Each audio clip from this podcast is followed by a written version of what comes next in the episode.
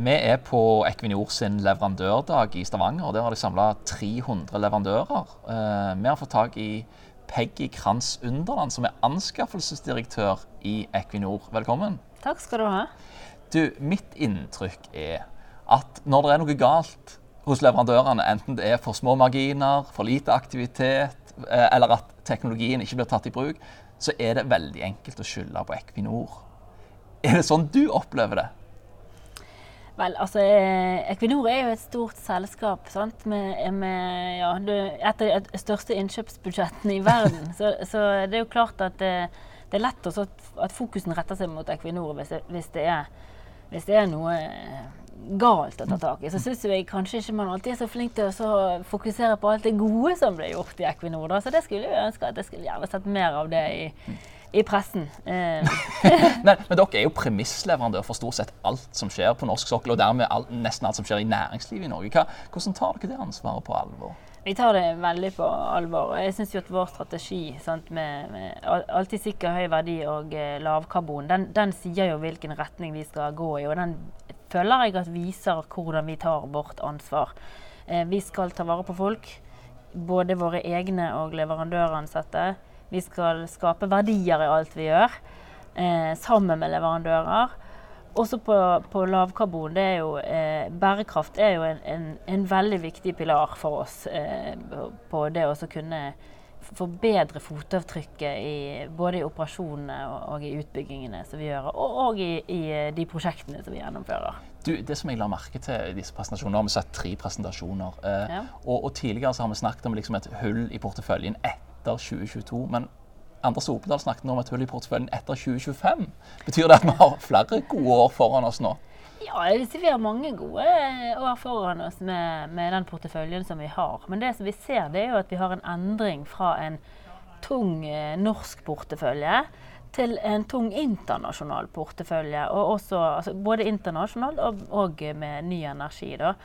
Så betyr ikke det at vi ikke har noen ting på norsk sokkel, men etter uh, Johan Sverdrup og Johan Castberg, så har vi liksom ikke de veldig store utbyggingene som kommer her. Men er det, er det f.eks. Wisting og Grand og Hyven Tampen som er lagt ned som gjør at det er lagt på et par år ekstra der? De er med, men så er det også Du har jo Carcara, fase 1 og fase 2. Vi har BMC33 i Brasil. Vi har Beidunor.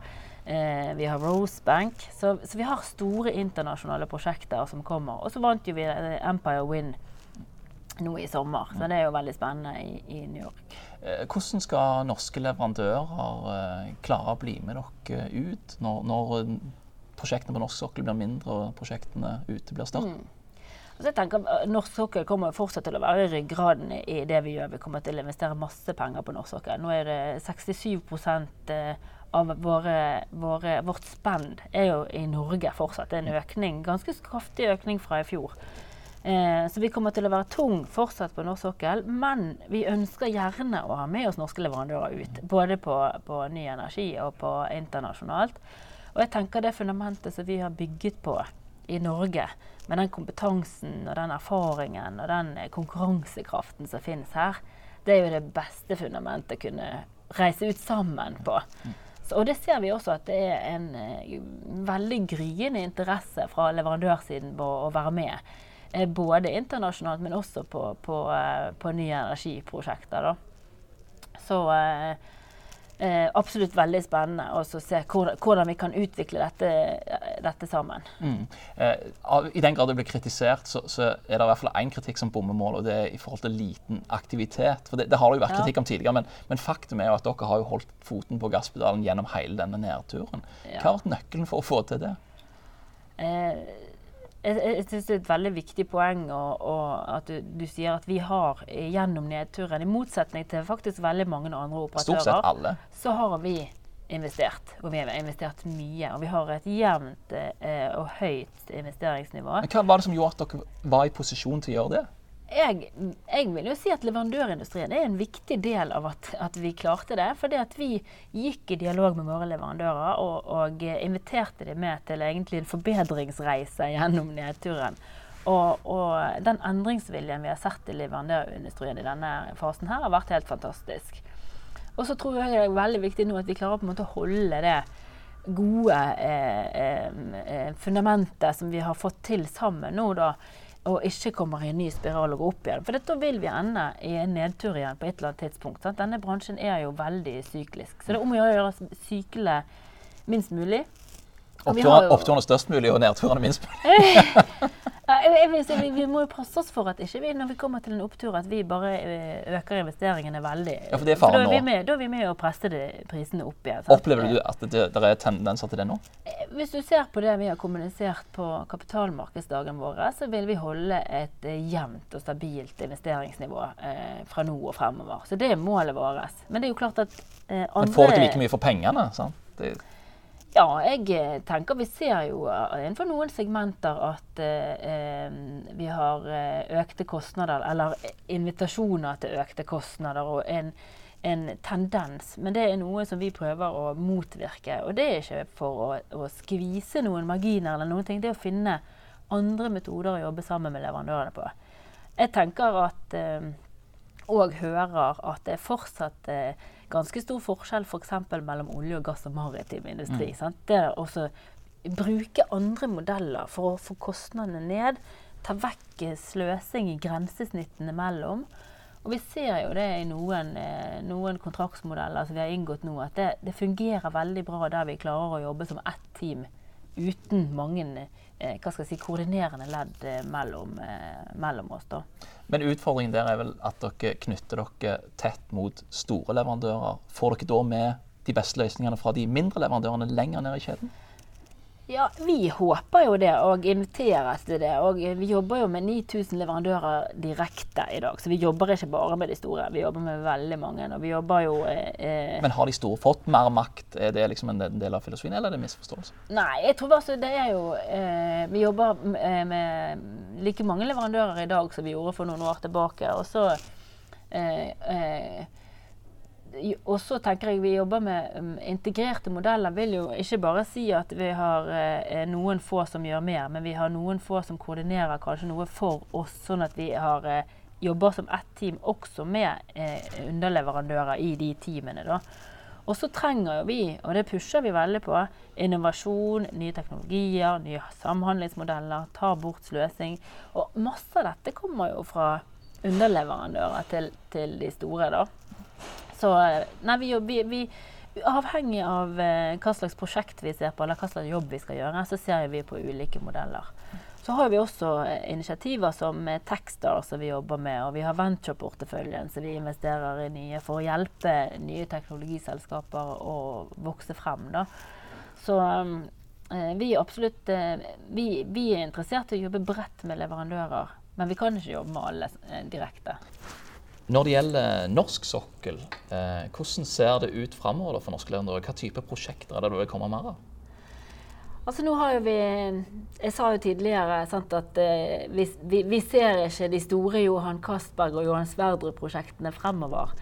Men eh, vi sa jo nesten det samme i 2000. Og, det var jo enda verre i 2009. Ja, ja så, så vi, forhåpentligvis så kan det snu. Vi satser jo fortsatt på leting, og vi tror på Barentshavet og håper at vi kan finne noe stort og, og nytt. Men, men, akkurat nå ser det ut til at uh, utbyggingen fremover blir mer subsea-felter, mindre tie-ins uh, og enklere installasjoner.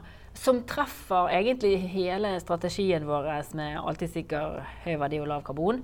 Altså det vil si vi ser uh, det som vi kaller for field of the future som er et, uh, egentlig byggesteiner fra mange prosjekter med Oscar Subsea-kompresjon som ett av de eh, Highwind Tampen som flytende som, som ett av de. Og, eh, eller med, Highwind Skottland, mener jeg. Highwind Tampen kommer jo fremover. Men, eh, eh og eh, Oseberg Vestflanken som et annet. Altså det er ubemannet brønnholeplattform eh, over til ubemannet produksjonsplattform og ubemannet eh, prosessplattform. For eksempel. Som betyr at du har mye mindre folk i feltet. Du har mindre sannsynlighet for at noen skader seg, og du har et mye lavere karbonfotavtrykk. Fram til nå så ser det ut som dere har kommet til ubemanna eh, brønnhodeplattform. Mm. Neste steg er ubemanna prosessplattform. Ja, ja. Hvor skjer det? Og når? Eh, eh, nei, altså vi har jo eh, dette kartet som tegner, eh, tegner på våre ambisjoner fremover. da. Så vi jobber jo mot, eh, mot mot et sånt prosjekt. Men akkurat hvor det kommer, det, det Peon? ja, kan være. Vet ikke. Nei. Ja, men det er bra. Hva, hva er hovedbudskapet dere til leverandørene når dere nå kjører disse leverandørsamlingene rundt hele landet? Så jeg har sagt at jeg har fire eh, områder som jeg eh, vil prioritere eh, fremover. Det første er sikre og bærekraftige eh, eh, forsyningskjeder. Sikkerhet er vår første prioritet. og I dag eh, så er det altfor mange som skader seg eh, når de jobber for oss. Og veldig mange er leverandører. Det er ikke fordi at ikke leverandørene er, er gode. Det er fordi at det er veldig mange av leverandørteamene på, eh, på fabrikker og anlegg eh, det, Det de, de er ute i den spisse enden. sant? Uh, så det er kjempeviktig for oss at vi sammen klarer å bli bedre på sikkerhet.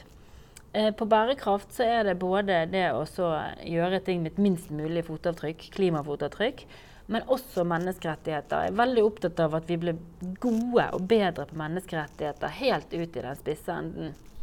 Så der har vi Eh, vi har gjort eh, mer enn 250 verifikasjoner i mer enn 30 land. Eh, og dessverre så finner vi nesten alltid noe. Eh, og det vi ser etter, det er jo når vi gjør verifikasjoner, er jo at, eh, at eh, arbeiderne får eh, riktig eh, lønn, at de har gode sanitærforhold.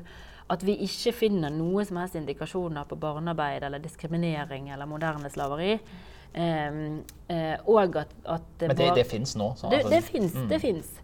Eh, og eh, og så er det også veldig viktig for oss at leverandørene våre har gode systemer for å følge opp underleverandørene. våre. For det er sånn vi kan få dette her helt ut i den spisse enden i, i forsyningskjeden. Så vi har også startet et samarbeid på menneskerettigheter med BP og Total og Shell, som jeg syns er veldig viktig og veldig spennende.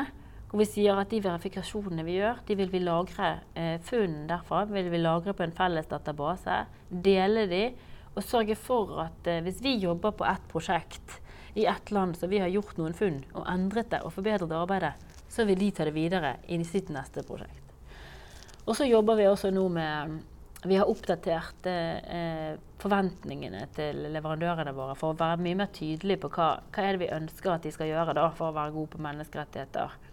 Så har vi laget et, et, et, et, eh, retningslinjedokument som skal hjelpe eh, å beskrive hvorfor vi syns det er viktig, og hvordan de kan jobbe for å implementere dette. Og I tillegg så vil vi ta det inn som et oppdatert dokument i kontraktene våre. Da. Så det, det blir både veiledning og krav her til, til leverandørkjeden vår. Veldig viktig område for meg. Men det var bare ett av fire, da, så jeg vet ikke hvor god tid vi har. Ja, nei, det er podkast. Den, kan fortsette i evigheten. Den, men, men jeg vet ikke, det, det kan være lytterne ikke Ja. villige til å fortsette i evigheten. Men, Ja. men det, det er iallfall det som er budskapet deres.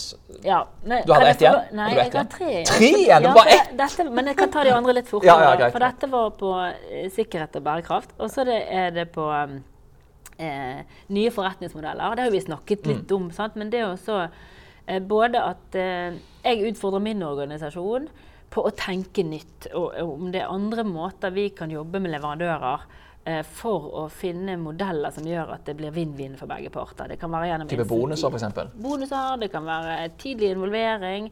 Det kan være det å sitte sammen og jobbe integrert som ett team. Mange forskjellige løsninger. Og der har vi også ønsker å være veldig lyttende til hva leverandørindustrien har å si. Komme med forslag til oss på hvordan vi kan forbedre oss.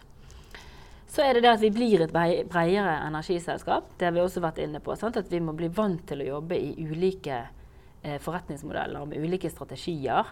Eh, og vi vil ha med oss leverandørene internasjonalt over i nye energiprosjektene våre. Det er andre eh, forsyningskjeder enn det vi er vant til å jobbe med fra olje og gass. da. Hvilke leverandører er det primært dere ser muligheter for i, i offshorevind, f.eks.? Jeg tror det er mange. Altså det, jeg ser jo I mange av de leverandørmøtene som vi har, så er det stor interesse for å så eh, bli med. Altså. Men er- er interesse er én ting, evne er vel noe annet? Ja, og, og eh, de, de store kontraktørene som vi jobber med, de er jo veldig påskrudd på, på dette temaet allerede. Og så vet jeg at det finnes mange mindre leverandører som kanskje har vært påskrudd i mange år. Sant? Og kanskje er det helt nye leverandørkonstellasjoner også vi kan begynne å jobbe med nå? Som, eh, som, har vært, eh, som har god kompetanse på dette fra før av. Og så siste punkt der, det er digitalisering. Eh, for der tenker jeg at det, det er et område som det skjer utrolig mye, og det vi har sett til nå, det er bare en brøkdel av hva vi vil se. Dette, og dette vil gå kjempefort. Og her ser vi kan eh, det kan endre eh, måten vi Altså det kan gjøre operasjonene våre sikrere. Vi kan få mer optimal produksjon. Vi kan eh, forutse vedlikehold, når vi trenger det. Og så videre. så vi har jo eh, våre integrerte operasjonssenter, så vi virkelig begynner å se effekten av allerede. Eh, vi har våre digitale tvillinger, som vi bl.a. Eh, etablert på Sverdrup. Så kan jo du følge feltet om du sitter på land eller på iPad eller telefon eller hvor som helst. Um, og så har vi, vi, en del samarbeid eh, med deling av data, som jeg syns også er veldig viktig, som vi, som vi jobber på, på fremover. Da. Blant annet blant annet med Datalink, som er et, et, eh, prosjekt for å dele data på sikkerhet og utstyr. Og så har vi Open Subsurface-dataprosjektet som vi ser på deling av undergrunnsdata. Vi, men, men vil ikke dette alltid være en veldig manuell bransje? Altså, du skal tross alt bore den der båren ned i det og finne den der olja. Altså, det, det, er vel del, jeg tror ikke det alltid vil være det. Altså, det, er, det, er, fortsatt uh, mye manuelt, men det, men det, er veldig lite manuelt nå i forhold til hva det var for uh, 30 år siden. Sant? Så uh, Utviklingen har jo vært formidabel. Så hvis du ser på hvordan de borer en brønn onshore i USA Sammenlignet med boreanlegget på Johan Sverdrup, så er det jo det er ikke hender på borerørene i Sverdrup omtrent i det hele tatt. Sant? Mens i USA så ruller de jo rørene bort med fingrene. Sant? Og det er, da, ja, Apropos det, så snakket dere jo òg her om at hånd- og fingerskader er, ja. er, et stort problem mm. hos oss òg, selv om du har fått vekk mange ja. hender og fingre. Ja, fortsatt. sant? Så mm. hånd og finger det står for 50% av de eh, Det er total hendelsesfrekvens, altså de mindre skadene som vi har da. Eh, eh, og så er farlige gjenstander det er av 60% av de mer alvorlige hendelsene. Så vi, har, eh, så vi har sagt at dette halvåret her, så er det det vi ønsker å fokusere på. Eh, og vi har jo nå lansert de ni livreddende reglene. Altså det er, det er ikke Equinor sin standard. Vi kan ikke ta alle de ni nå, bare. Nei da, vi skal ikke vi skal ikke ta alle de. Men det er en av de som er viktig, og det er den, her som jeg er inne på. Sant, med line of fire. Hvis du er i skuddlinjen, så må man passe seg. Den, den, den, eh, den eh, fokuserer vi på nå. Det tror jeg er et bra, bra på å avslutte, for det gjelder stort sett hele livet. Hvis du er i skuddlinja, så må du passe deg. Takk for at du var med oss. Takk skal du ha.